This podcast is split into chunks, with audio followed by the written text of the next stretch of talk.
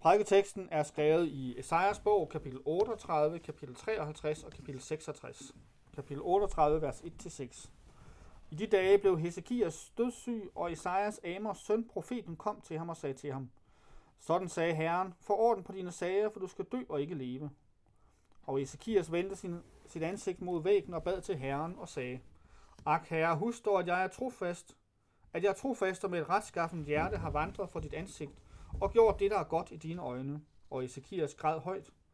Og Herrens ord kom til Esajas og lød, Gå hen og sig til Ezekias, sådan siger Herren din far Davids Gud. Jeg har hørt din bøn, jeg har set din gråd. Se, jeg lægger 15 år til dine dage. Og jeg vil fri dig og denne by ud af Assyrkongens hånd og beskytte denne by. Kapitel 53, vers 1-7. Hvem troede det budskab, vi fik, og for hvem er Herrens arm åbenbart? Men han skød frem som en kvist for hans ansigt og som et rodskud af tør jord. Han havde ingen skikkelse og ingen herlighed, og vi så ham, men der var ikke udseende, så vi kunne synes om ham. Han var foragtet og ikke regnet for noget blandt folk, en smertens mand og godt kendt med sygdom. En man skjuler ansigtet for, foragtet, og vi regnede ham ikke for noget. Men han har taget vores sygdomme på sig og båret vores smerter, men vi anså ham for plaget, slået af Gud og gjort elendig. Men han er såret for vores overtrædelser og knus for vores misgerninger. Straffen er lagt på ham for, at vi skal have fred, og vi har fået helbredelse ved hans sår. Vi får alle vild som får, vi venter os hver sin vej, men Herren lod al vores misgerning komme over ham. Han blev mishandlet, og han blev gjort elendig, men han åbnede ikke sin mund som et lam, der føres hen for at blive slagtet, og som et får, der er stumt over for dem, der klipper det. Han åbnede ikke sin mund. Kapitel 66, vers 22-24. For ligesom de nye himle og den nye jord, som jeg skaber, altid består for mit ansigt, siger Herren. Sådan skal jeres afkom og jeres navn bestå altid. Og det skal ske, at alt kød fra nymåne til nymåne og fra sabbat til sabbat skal komme for at tilbede for mit ansigt, siger Herren. Og de skal gå ud og se på de døde kroppe af mændene, der forbrød sig mod mig. For deres orm skal ikke dø, og deres ild skal ikke slukkes, og de skal være en redsel for alt kød. Amen. Hellige Fader, hellig os i sandheden. Dit ord er sandhed. Lad det lyse for os på vejen til evig salighed. Amen.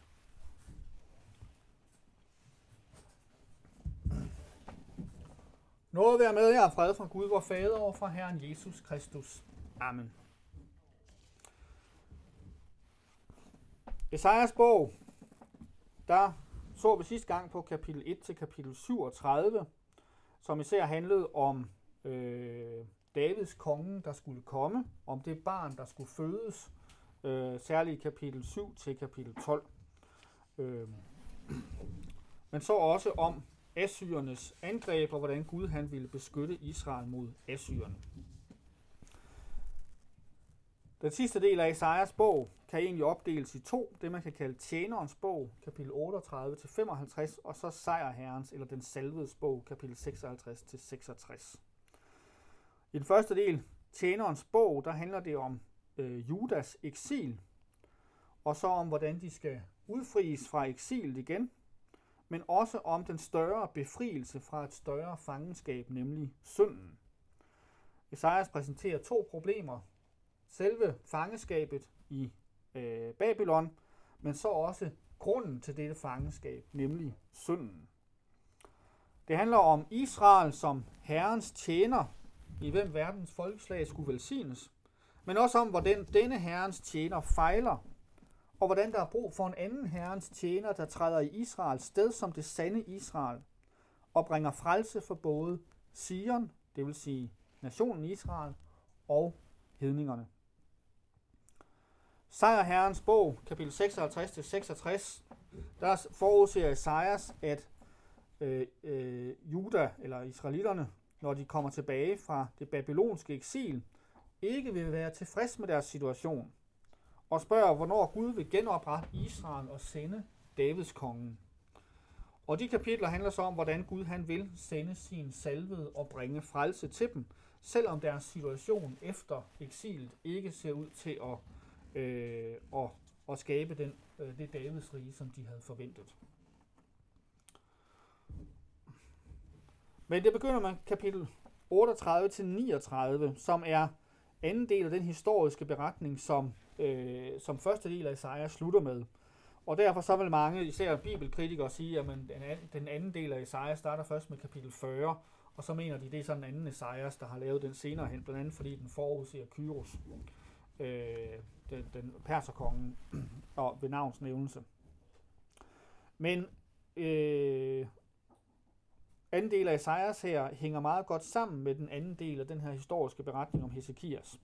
For den er et svar på det, som den historiske beretning ender ud med, nemlig profetien om Judas eksil. I kapitel 38, der bliver Hesekias syg, og han beder til Herren, bønhøres, og får så også et tegn på, at han skal blive rask. Og så får han også at vide, at byen skal reddes fra Assyrkongen. Han beskriver derefter sin store nød og angst, som han har været i, og han øh, priser Gud for hans hjælp. Øh, og så beskriver han måden, hvorpå han er blevet rask. Det her under, det bekræfter også løftet om, at han vil blive befriet fra Assyrkongen, som Esajas også giver. Et løfte, som Hesekias skulle tage imod i tro og stole på det, i stedet for at tro på andre konger, sådan som, øh, som kong Akas havde gjort før ham, og øh, som Esajas også havde prædiket imod, øh, og som Israels konger også havde gjort. Så Hesekias skulle altså stole på Gud alene, og at Gud ville bevare Israel fra Assyrerne. Gud prøver så hans tro. Det gør han ved at lade Merodak, kongen af Babel, sende bud til Hesekias. Øh, og hvad gør øh, Hesekias så? Jamen, han viser det her bud alle sine skatte. De kommer formodentlig for at lave en alliance mod Assyrerne. Merodak, kongen af Babel, han gjorde oprør flere gange mod Assyrerne. Og Esajas forkynder så for ham, at alt hans gods og alt hans afkom en dag skal føres til Babel. Da sagde Esajas til Hesekias, Hør Herren Sebaots ord. Se, de dage kommer, da alt det, der er i dit hus, og alt, hvad dine fædre har samlet af gods indtil denne dag, skal føres til Babylon. Og der skal ikke blive noget til over, siger Herren, og af dine sønner, der nedstammer fra dig, som du skal blive far til, skal de udtage nogen, og de skal være kammertjenere i kongen af Babylons palads. Så Davids hus, det som Gud havde givet sit løfte til, vil altså blive taget bort fra landet, blive sendt i eksil. Dog trøster Hesekias sig derved, at der skal være fred i hans dage. Men han viser altså sin manglende tillid til Guds løfte og sin tillid til mennesker i stedet ved at øh, tage imod de her udsendinger fra Babylon og vise dem sine skatte. Øh, fordi det ser ud som om, han er ved at prøve at lave en alliance med dem imod Assyrkongen. Han stod altså ikke på Guds løfte om, at Gud ville befri ham fra Assyrkongen. Og så viser han sig også som en egoist, der bare er glad for, at det ikke sker i hans dage, det her. Øh. Selv den her gode konge, i sammenligning med de andre konger i Israel, viser sig at være en sønder, og hans vantro i det her afgørende øjeblik besejler Judas og Davids hus skæbne. Gud viser med dette, at selv de bedste konger i Juda ikke lever op til øh, til det Gud kræver af sine tjenere. Lige efter den her trussel og den her profeti om eksilet, så slår Esajas over i at trøste. Trøst mit folk, siger han i kapitel 40. De er stadigvæk Guds folk. Og så kommer der tre stemmer, der trøster. Og den første stemme, jamen det er en, vi også kender fra det nye testamente. Der står, der er en stemme af en, der råber i ørkenen, gør Herrens vej klar og jævn, hvor Guds banede vej på den ujævne mark. Hver dal skal hæves, og hver bjerg og hver høj skal sænkes, og det, der er bakket, skal blive jævnt, og det takket skal blive som en slette. Og Herrens herlighed skal åbenbares, og alt kød skal se det, for Herrens mund har talt. Det citeres i det nye testamente om Johannes døberen, som kommer og går forud for Kristi komme. Så den trøst, de ultimative kan se frem til, jamen det ved vi så fra det nye testamentets brug af den her, jamen det er altså Kristi komme, som profeteres her i Esajas og så også af Johannes Døberen. Alt kød, alle mennesker skal se Herrens herlighed. Så der, er, der tales altså her om noget, der skal komme ud også til andre end Israels folk. Så lyder der en anden stemme i vers 6-8, der taler om, at mennesker er som græs, men at Guds ord forbliver evindeligt. Guds løfter står fast. Og en tredje stemme om, at øh, Guds love komme ikke vil være omsonst. Eksil, det er ikke Guds sidste ord. Så giver Gud nogle garantier for, at hans løfte står fast om det her øh, først ud fra, at han er skaber. Gud hersker over sit skaberværk og glemmer ikke sit folk. Han taler om Guds almagt og visdom og styrke, og at der ikke er noget, der kan sammenlignes med Gud. Og i rette sætter dem, der ikke vil stole på Herrens hjælp og store magt. I kapitel 41 gives der en garanti ud fra, at Gud er verdensherskeren, den, der hersker over historien, og som dirigerer historiens gang og oprejser sejrherre. Så gives der tre billeder på denne trøst i kapitel 41, vers 8-20. Tales først om sejr for de ydmygede, og der kaldes Israel min tjener, og der henvises til, at de er Abrahams efterkommer eller afkom. Og så talte du om, hvordan Guds højre hånd holder Israels højre hånd fast og hjælper Israel. Så her der udnævnes Israels folk altså til at være Herrens tjener, og det knyttes sammen med, at de er Abrahams afkom.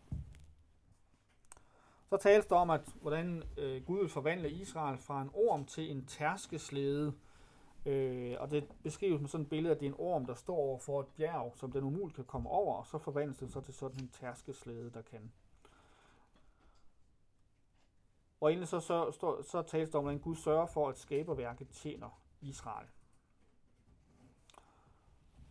Der har han så talt om Israel her i kapitel 41. Øh, ind til, til vers 20. Nu vender han så tilbage til at tale om hedningerne og deres problem. Han har talt om hedningerne før i kapitel 40, og nu taler han til dem igen. Han kalder dem frem for en domstol, og her udfordrer han så afguderne og afgudstyrkerne til at bevise, at de er guder ved at forudse fremtiden. Og så siger han to gange, se, se, i er intet, og jeres gerning er overhovedet ingenting. Den, der vælger jer, er en afskyelighed, siger han til afguderne 21, 24, 41, 24. Øh, og taler så om, hvordan Gud er herre over historien og kan forudsige, hvad han selv vil gøre. Og der slutter han også med et se. Se dem alle sammen, deres gerninger er spild og tomhed, deres støbte billeder af luft og vind. Og det her C, det er altså øh, vigtigt, fordi så kom, når man så kommer til kapitel 42, så begynder det også med et C. Så der er altså en sammenligning af de her afguder, og så det, Esajas, eller Gud ved Esajas vil tale om i kapitel 42. For der kommer svaret på hedningernes afguders øh, øh, manglende magt. Og det er C, min tjener, som jeg støtter. Min udvalgte, som min sjæl har velbehag i. Jeg har givet min ånd over ham. Han skal føre retten ud til hedningerne. Han har lige talt om hedningerne her, og så taler han om, tjeneren, som han støtter, som skal bringe retten eller retfærdigheden ud til hedningerne. Og så fortsætter han, jeg, Herren, har kaldt på dig i retfærdighed, jeg vil tage dig ved din hånd, og jeg vil bevare dig og gøre dig til en pagt for folket, til et lys for hedningerne, til at åbne de blindes øjne, til at føre de bundne ud af fængslet, dem der sidder i mørke ud af fangenskabet. Det er altså både folket og, øh, og øh, hedningerne, der tales om her, men på baggrund af, at han lige har talt om hedningerne, så er det altså ikke at føre dem ud af det jordiske, øh, babylonske eksil her, fordi det er hedningerne, han lige har talt om her. Så der taler om tjener, der vil føre, der vil være en pagt for Israels folk, men også vil føre hedningerne ud af deres blindhed og deres mørke. Men er den her tjener så også Israel? Det siger profeten ikke klart endnu. Han siger, at Guds ånd er over ham. Han skal føre retfærdighed til hedningerne. Han skal være en pagt for folket og lys for hedningerne. Så han vil være løsningen på hedningers og Israels åndelige problem. Men er det så Israel, der er denne tjener? Det ender så ud i en lovsang øh, til Herren for hans frelserværk.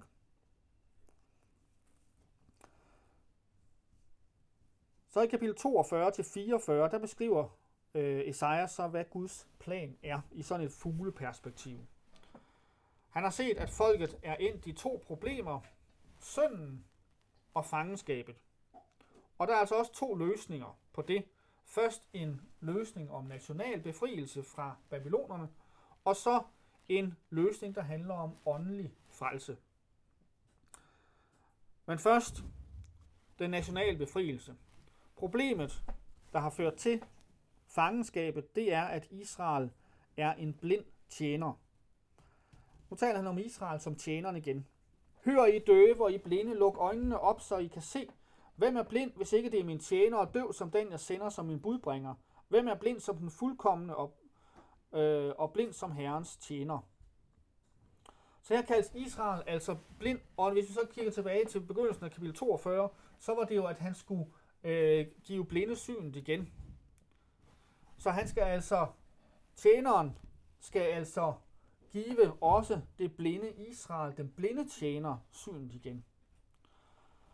Fortæller om, hvordan Gud udøser sin vrede over Israel. Det sammenlignes med en ild. Men Gud vil dog ikke lade Israel blive helt brændt. Gud vil bringe dem hjem. Han taler om, hvordan folket har været blinde, men Gud vil bevise for dem, at han er den eneste sande Gud, og så kalder han igen Israel min tjener. Men det er altså den blinde tjener, der er tale om, ikke den tjener, der skal give de blinde synet igen. Efter at have præsenteret problemet her, og sin kærlighed til folket, trods dette, og sin magt til at frelse, så beskriver han så frelsen fra Assyrene, som beskrives som en ny udgang fra øh, som en ny udgang, som udgangen af Ægypten. Og så springer han til det åndelige problem. I kapitel 43, vers 22 til 44, 23. Det beskriver han først som deres manglende påkaldelse og manglende ofre. Vi kan se andre steder i Isaias, at de offrede, men det var ikke i tro, de offrede. Og hvad er så løsningen på det? Jo, den er to ting.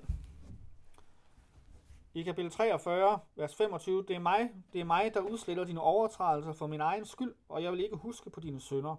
Altså syndsforladelse, det er den, eneste, den ene løsning. Og så den anden, at Gud vil udgyde sin ånd over dem. For jeg vil hælde vand ud på det tørstige og strømme ud over det tørre. Jeg vil gyde min ånd over dit afkom og min velsignelse over dine børn, så de skal vokse op midt i græsset som pile ved bække. Så Gud vil både give syndsforladelse og give sin ånd i deres indre, så de kan holde Guds bud, eller begynde at holde Guds bud. Og da der ikke er nogen anden Gud, kan intet stå i vejen for Guds plan, beskrives i kapitel 44, vers 6-20. Gud vil tilgive, det lover han igen i kapitel 44. Husk disse ting, Jakob og Israel, for du er min tjener, jeg har dannet dig, du er min tjener Israel. Du skal ikke glemme af mig. Jeg har fjernet dine overtrædelser som en sky og dine synder som en tåge. Vend om til mig, for jeg har løskøbt dig. Og så opfordres Guds folk til at prise Gud for hans tilgivelse. Syng med jubel i himle, for Herren har handlet. Råb højt i jordens dybder, råb med fryd i bjerge. Syng med jubel, du skov og ved at træ i den. For Herren har løskøbt Jakob og viser sin herlighed i Israel.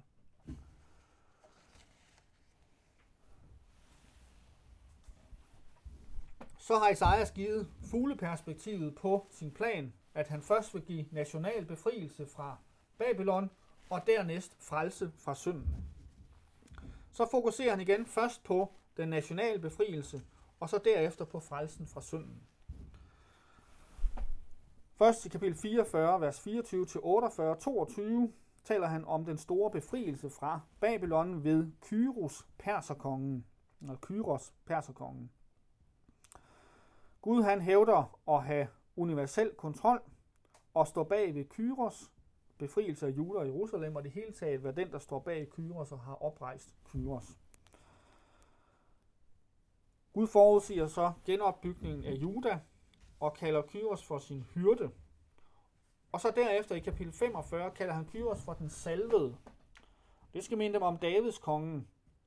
For min tjener Jakobs skyld og for Israel, min udvalgte skyld, kaldte jeg dig med navn. Jeg nævnte dig med hedersnavn, selvom du ikke kendte mig, taler han til Kyros. Så han siger altså også, at Kyros ikke er en, der kender Gud, selvom Gud kaldte ham og brugte Kyros. Så beskrives Kyros gerning med et billede. I himlen lader det drøbe ned fra oven og send strømme med retfærdighed i øverste skyer. Lad jorden åbne sig for at bære frelsens frugt og for at lade retfærdighed spire sammen med den. Jeg, Herren, har skabt dette. Gud vil altså velsigne Sion igen igennem Kyros. Men de er ikke tilfredse. Kapitel 45, vers 9-46, 13 handler om oprør mod Guds, eller utilfredshed mod Guds plan. Der gives to billeder, et med en pottemager og øh, det, han former, som ikke kan øh, klage over pottemagerens gerning, og så børn, der klager over deres forældre. Og de advares mod at anklage Guds plan om at bruge Kyros. De forarves altså over, at en ikke øh, davidisk hedens konge skal redde dem. De havde troet, at Gud nu ville sende den Davids konge, der skulle redde dem. Men Gud bekræfter trods det her, øh, trods deres befrielse ved en hedens konge, og trods det, at Davids rige ikke bliver genoprettet med det samme, at Gud vil holde fast ved sine løfter. Og så beskrives så Israels modstand mod Kyros-planen igen, og Gud vil ikke desto mindre gennemføre den. Så går han over til at beskrive Babylons fald. Han beskriver en guddommelig hævn over Babylon, og beskriver den stolthed, som forårsagede deres fald, og den falske religion i Babylon, som ikke kunne hjælpe babylonerne. Og det fører så til hjemkomsten, at Kyros han overvinder Babylon. Den beskrives, men uden løsning. Deres hjemkomst beskrives, men uden løsning på det åndelige problem. I kapitel 48 beskrives, hvordan de kommer hjem, men så står der også, at de kalder sig Israel med urette, og de er afgudstyrker, og de er troløse. Så på trods af, at de nu bringes hjem, jamen så har de altså ikke ret, ikke ret til at kalde sig Israel, og de, de øh, er og de er troløse. Og det åndelige problem består. 48-22, de ugudelige, siger Herren, har ingen fred. Så at Israel kommer tilbage fra Babylon, løser ikke deres grundlæggende problem. Og det fører så til de her tjener sange. Den større befrielse om tjenerens gerning fra kapitel 49. Han beskrives først som Israel, som det skulle være i 49, 1-3. Han er kaldet fra moders liv. Han er altså et menneske, der fødes. Og her kan vi så tænke på de, øh, de gange Esajas i, i, øh, i 7 til, til, til 11 taler om det her barn, der skal fødes. Hans mund er et skarpt svær. Han har en profetisk tjeneste. Og han kaldes Israel også. Og så kan man tænke, og det vil nogle bibelkritikere sige, at det er jo det er bare Israel, der tales om her. Men vi skal huske på, at Israel var jo oprindeligt et navn på en person. Så blev det et navn på nationen, der var opkaldt efter nationen. Eller der var opkaldt efter det individ. Og nu bruges det så igen som et navn om en, et individ. Folket har Israel har vist sig at være en blind tjener, lærte vi 42, 18-25, og vi lærte i 48, vers 1-2, at de ikke var værdige til navnet Israel, på grund af deres afgudstyrkelse og deres troløshed. Så Gud udnævner altså en anden til at være den sande tjener, det sande Israel, der kan bringe velsignelse til hedningerne. Og hvad er så hans opgave? Jo, den beskrives i Esajas 49, 6. Og nu siger Herren, der dannede mig fra mors liv til min tjener, for at jeg skulle omvende Jakob til ham og Israel, der ikke vil lade sig samle sammen. Og jeg skal blive herliggjort for Herrens øjne og min Gud og min styrke. Han siger, det er for lille en ting, at du er min tjener til at rejse Jakobs stammer og føre de bevarede af Israel tilbage. Og jeg vil sætte dig som et lys for hedningerne, så de kan bringe min frelse til jordens ende. Så han skal både føre det bevarede af Israel tilbage til Herren, og så skal han bringe frelse til hedningerne. Det sidste var tjenerens oprindelige opgave, men da Israel ikke magtede den, skulle de også først frelses.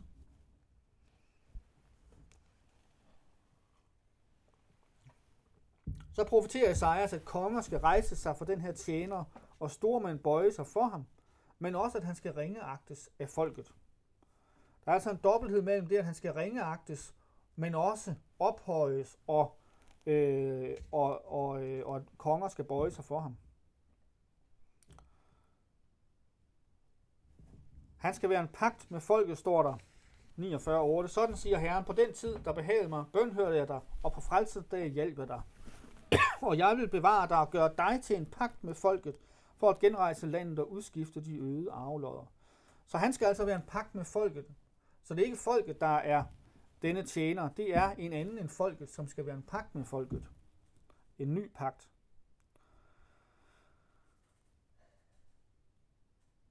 Så laver Esajas en kontrast imellem nationen og så den her tjener, som igen gør klart, at tjeneren, der nu tales om, ikke er nationen, siger han.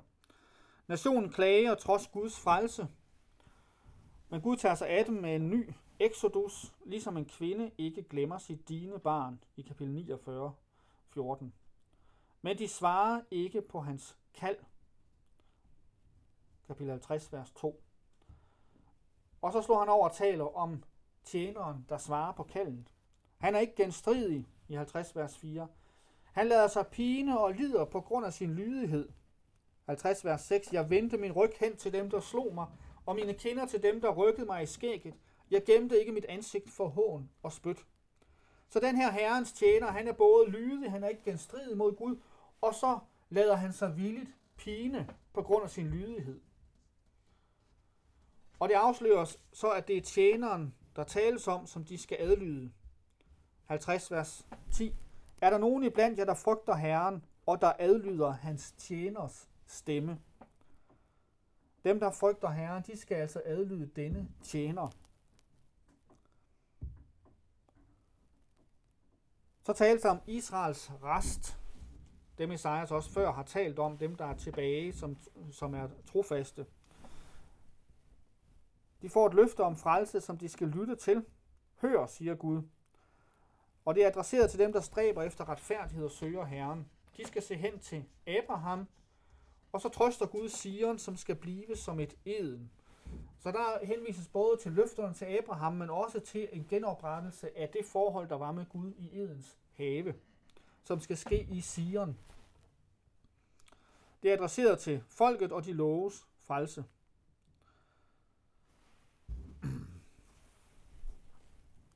Så taler Gud til Herrens arm i kapitel 51. Og der lærer vi i kapitel 53, vers 1, at denne Herrens arm er den samme som Herrens tjener. Der tales om Sions hjemkomst og jubel, og så om, at Gud er den, der trøster og kan udføre sin frelse, og han forsikrer tjeneren om, at han er med ham, og Sion om, at det er Guds folk.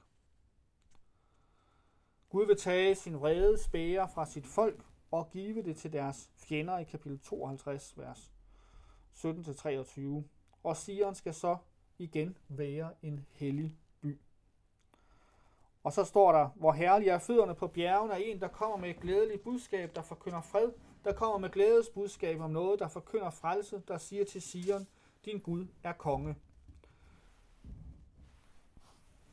Og, og frelsen beskrives så igen som sådan en ny udgang, ligesom udgangen af Ægypten. Og det her med, hvor herlige er fødderne, jamen det er altså også noget, der til det nye testament om forkyndelsen af evangeliet. Og så kommer endelig højdepunktet her i øh, anden del af Esajas, nemlig tjenerens triumf.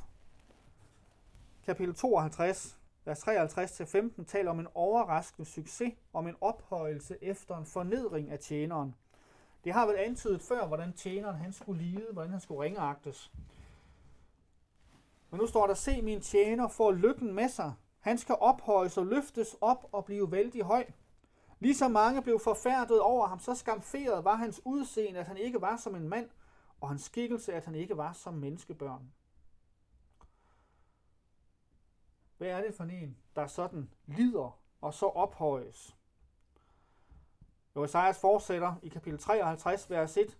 Hvem troede det budskab, I fik, og for hvem er Herrens arm åbenbaret?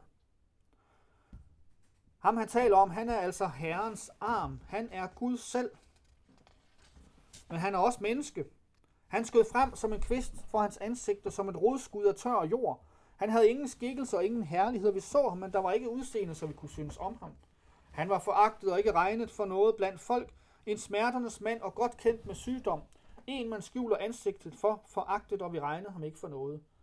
Og det her med, at han er en kvist og et rodskud, jamen det kender vi jo også fra Esajas 9 eller 7-11, hvor der tales om øh, Davids, øh, en kvist af Davids øh, rod og Isais rodskud og så videre. Så her henviser Esajas altså til begyndelsen af sin bog, hvor der tales om Davids kongen som den her kvist og det her rodskud. Han skal lide. Være en, man foragter, men hvorfor? Esajas fortsætter med, at han er såret for vores overtrædelser og knust for vores misgerninger. Straffen er lagt på ham, for at vi skal have fred, og vi har fået helbredelse ved hans sår. Grunden er altså, at han skal lide stedfortrædende. Den vrede Gud ikke vil udgyde over Sion, udgyder han i stedet over tjeneren. Han dør villigt, og så triumferer han. Men Herren ville knuse ham med sygdom, når hans sjæl har fuldbragt et skyldoffer, skal han se afkom og forlænge sine dage, og Herrens vilje skal lykkes ved hans hånd. For sin sjæls møje skal han se det, han skal mættes. ved sin kundskab skal min retfærdige tjener gøre de mange retfærdige, og han skal bære deres misgerninger. Så løsningen på syndens store problem, som lå bag fangenskabet, det er altså Herrens tjener, som er retfærdig, men som også tager folkets synd på sig. Og det er grundlaget for det løfte om syndsforladelse, som Esajas har givet flere gange øh, som, som, øh, som løsning på syndens problem. Og det fører til en øh, invitation. Esajas han profeterer om udbredelsen af Guds menighed om, hvordan Herren med stor barmhjertighed skal holde sig til den som sin brud. Og han profeterer, hvordan øh, Gud vil smykke den med åndens gave og beskytte den imod fjenderne og lede alt til bedste for sine børn. Og så indbyder han alle de fattige i ånden til at få del i sin store evige nåde og vidner om Messias kald. Og det er der, hvor han taler om, hvordan øh, man indbydes til at købe korn, selvom man ingen penge har. Resultatet af tjenerens frelsergærning er altså, at man får nåden for intet. Han råder så til omvendelse og lover at velsigne sit ord, så det bliver til glæde og trøst og åndelig vækst for de troende. Og så i kapitel 56-66 har vi altså sejrherrens bog, som den er blevet kaldt. Og her der taler Esajas igen til situationen efter de kom hjem fra Babylon, hvor de øh, ikke ved, hvad der skal blive af dem, og hvad der bliver af Guds løfter om øh, Davids kongen. Han formaner de alle til gudfrygtighed og lover øh, noget til de omvendte og til de hedninger, der omvender sig. Så taler han om et delt folk, og han kalder på fjenderne for, at de skal straffe de blinde og hyggelige læger og ledere. I kapitel 56 og kapitel 57 øh, viser Esajas, hvordan Guds straf kommer over det jødiske folk på grund af deres ligegyldighed og hyggeleri, overtrædelse, afguderi og pagt med hedenske konger. Og så trøster han de troende med, at de skal komme til deres land igen, og han lover stor nåde og fred for alle troende, men ikke for de ugudelige. Så i rette sætter han i kapitel 58 jøderne for deres hykleriske gudstjeneste, og især deres hykleriske faste, og viser dem, hvad der er rigtig faste for Gud, og den gudstyrkelse, der behager ham. I kapitel 59 anklager han folket. Han svarer blandt andet på en klage i kapitel 58 om, at Herren ikke ser, når de faster, men det skyldes deres synd. Og så beskriver han synden, både billedligt, men også konkret om, hvordan de volder ondt og udgyder uskyldigt blod. Og i kapitel 59, jamen der ender det så med, at folket bekender deres synd. Det ender med synds erkendelse. Og det fører så til Esajas tale om en sejrherre, der, eller en salve, der bringer sejr. Han taler om syndens problem i kapitel 59, vers 14-20, hvordan Gud vil reagere, og så om Herrens plan. Og så om en ny verden med Sion i centrum, hvor en løskøber skal komme til Sion. Noget, der også citeres i det nye testamente om Kristi komme til Sion. Og så taler han om den her sejrherre, som er en pagt mellemmand i kapitel 59, vers 21-60-22. I 59-21 står der, hvad angår mig, det er min pagt med dem, siger Herren. Min ånd, der er over dig, og mine ord, som jeg har lagt i din mund, skal ikke forlade din mund, eller din børns mund, eller din børnebørns mund, siger Herren, fra nu af og til evig tid. Der taler han til den her sejrherre, til sin arm, som vi altså ved er den samme som Herrens tjener i, øh, i den anden del af Esajas. Han profeterer så om hedningernes omvendelse, og om alle de velgærninger, som Messias vil vise sit folk, der samles af jøder og hedninger. Hvordan de vil få tilgivelse, retsindige læger, oplysning, retfærdighed og lykke og fremgang. Så taler Herren selvet om sit kald, og øh, hvordan han vil prædike evangeliet til de bedrøvede. Og der har vi så Esajas 61, vers 1, som Jesus citerer og siger er opfyldt ved sit komme i Nazarets synagoge. Han siger, Herrens, Herrens ånd er over mig, derfor har Herren salvet mig til at forkynde et godt budskab for de fattige. Han sendte mig for at helbrede dem, der har et sønderknust hjerte, for at udråbe frihed for de indespærrede og løsladelse for fangerne, for at udråbe Herrens velbehags år. Så denne frelse, der her tales om, jamen den er altså opfyldt i Jesus Kristus.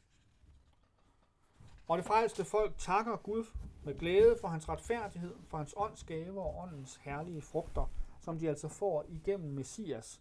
Ånden skulle komme over ham og over hans afkom, som altså er dem, der er i ham. Så lover profeten menigheden retfærdighed, et nyt navn, stor ære og nåde, og hvordan det skal åndeligt forenes med sin frelser. Og han forkynder igen hedningernes omvendelse. Og så endelig, hvordan den salvede vil fuldføre sin gerning i kapitel 63, vers 1-6. Han skal sejre herligt over alle sit folks fjender. Den sidste del af Esajas kapitel 63, vers 7-66, 24 ender med at beskrive den nye himmel og den nye jord. Men den gør det på baggrund af en klagebøn fra Israel, som jo altså nok er her fra tiden mellem eksilet og Kristi komme. Første komme. Først i denne bøn, der mindes Israel, hvordan Gud har vist dem barmhjertighed i historien og frelst trods deres genstridighed.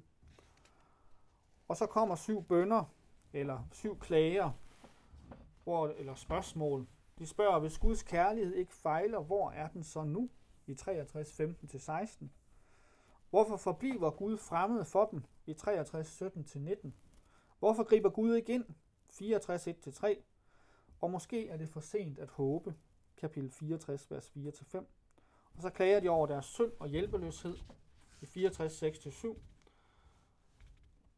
Og så taler de om Gud som den uforanderlige Gud i kapitel 64, vers 8-9. Og spørger så, om hans kærlighed stadig kan holdes tilbage i 64, 10-12, hvor de også taler om nedbrændte byer med mere.